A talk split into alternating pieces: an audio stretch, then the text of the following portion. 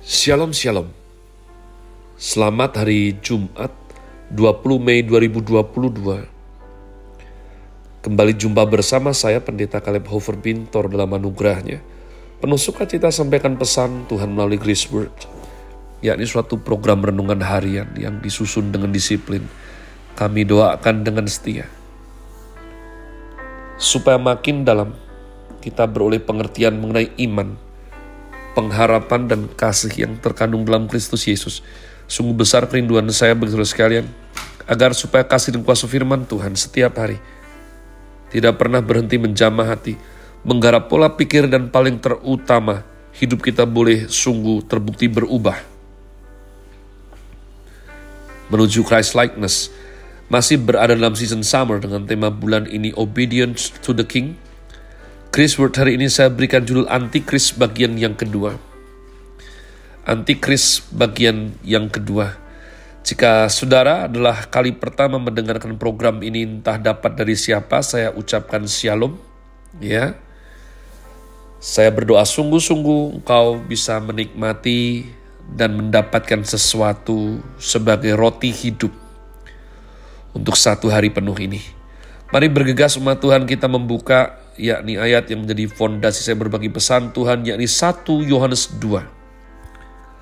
Ayat 16, 19, 1 Yohanes 2, ayat 16, 19. Sebab semua yang ada di dalam dunia, yaitu keinginan daging dan keinginan mata, serta keangkuhan hidup, bukanlah berasal dari Bapa, melainkan dari dunia. Dan dunia ini sedang lenyap dengan keinginannya.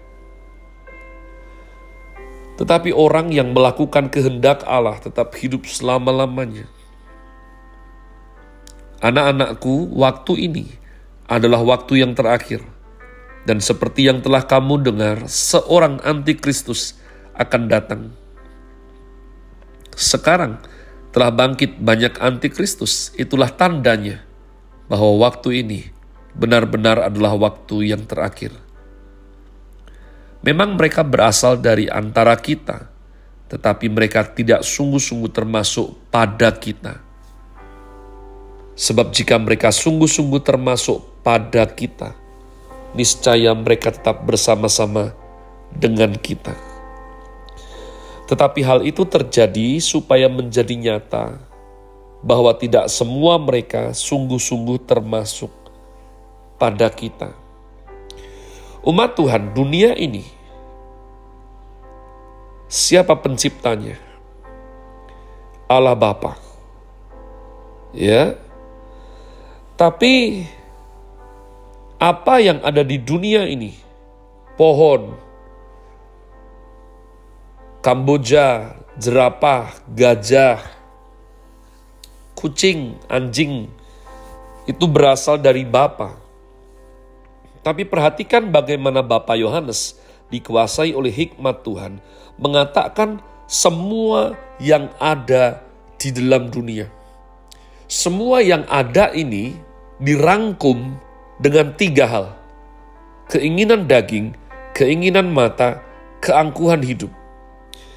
Jadi umat Tuhan, semua dalam hal ini adalah semua yang mendatangkan dosa semua yang membuat manusia terpikat, semua yang membuat manusia menuju antrian panjang masuk neraka. Jadi diwakili oleh tiga hal tersebut umat Tuhan. Dikatakan orang yang melakukan kehendak Allah tetap hidup selama-lamanya. Berarti tiga lawan satu.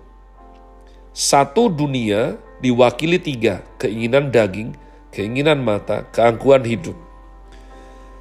Versus kehendak Allah. Jadi umat Tuhan, ini adalah apa yang dilakukan. Ada orang melakukan keinginan daging, keinginan mata, keangkuhan hidup. Ada orang melakukan kehendak Allah. Tiga yang di depan mendatangkan kematian. Satu yang di belakang, yakni kehendak Allah tetap hidup selama-lamanya. Daripada penjabaran ini, umat Tuhan, kita dikasih tahu bahwa sekarang telah banyak antikristus bangkit. Jadi dari pembahasan kita dua hari yang lalu mengenai antikristus atau roh antikris ini umat Tuhan. Semangat memberontak, semangat antroposentris, semangat egosentris. Orang yang hidup hanya mengejar hawa nafsunya sendiri, yakni mencari keinginan daging, keinginan mata, keangkuhan hidup. Adalah roh antikris umat Tuhan. Dan dikatakan mereka berasal dari kita. Jadi asalnya sayangnya dari kita. Ya.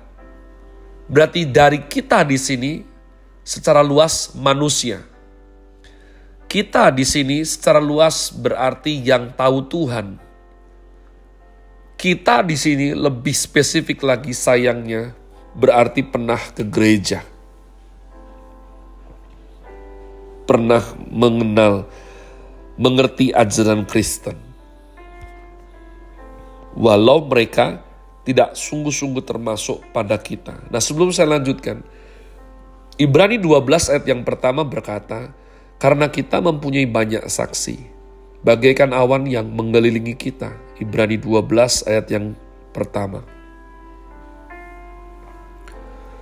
Marilah kita menanggalkan semua beban dan dosa yang begitu merintangi kita. Dan berlomba dengan tekun dalam perlombaan yang diwajibkan bagi kita. Rupa-rupanya ada perlombaan yang diwajibkan bagi kita umat Tuhan. Tapi itu semua dirintangi ya, diberatkan sebab kita memikul beban dosa. Banyak kebiasaan buruk. Nah, Inilah dari mana semua beban dosa yang begitu merintangi tadi dari keinginan daging, keinginan mata, keangkuhan hidup umat Tuhan. Sekarang cek hidupmu. Apakah engkau sedang melakukan kehendak Allah atau semata-mata yang kita kerjakan itu keinginan daging, keinginan mata, keangkuhan hidup itu tadi.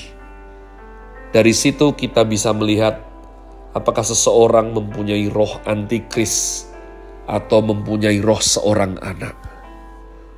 Orang yang mempunyai roh antikris, ya, dia akan melakukan berdasarkan kedagingannya.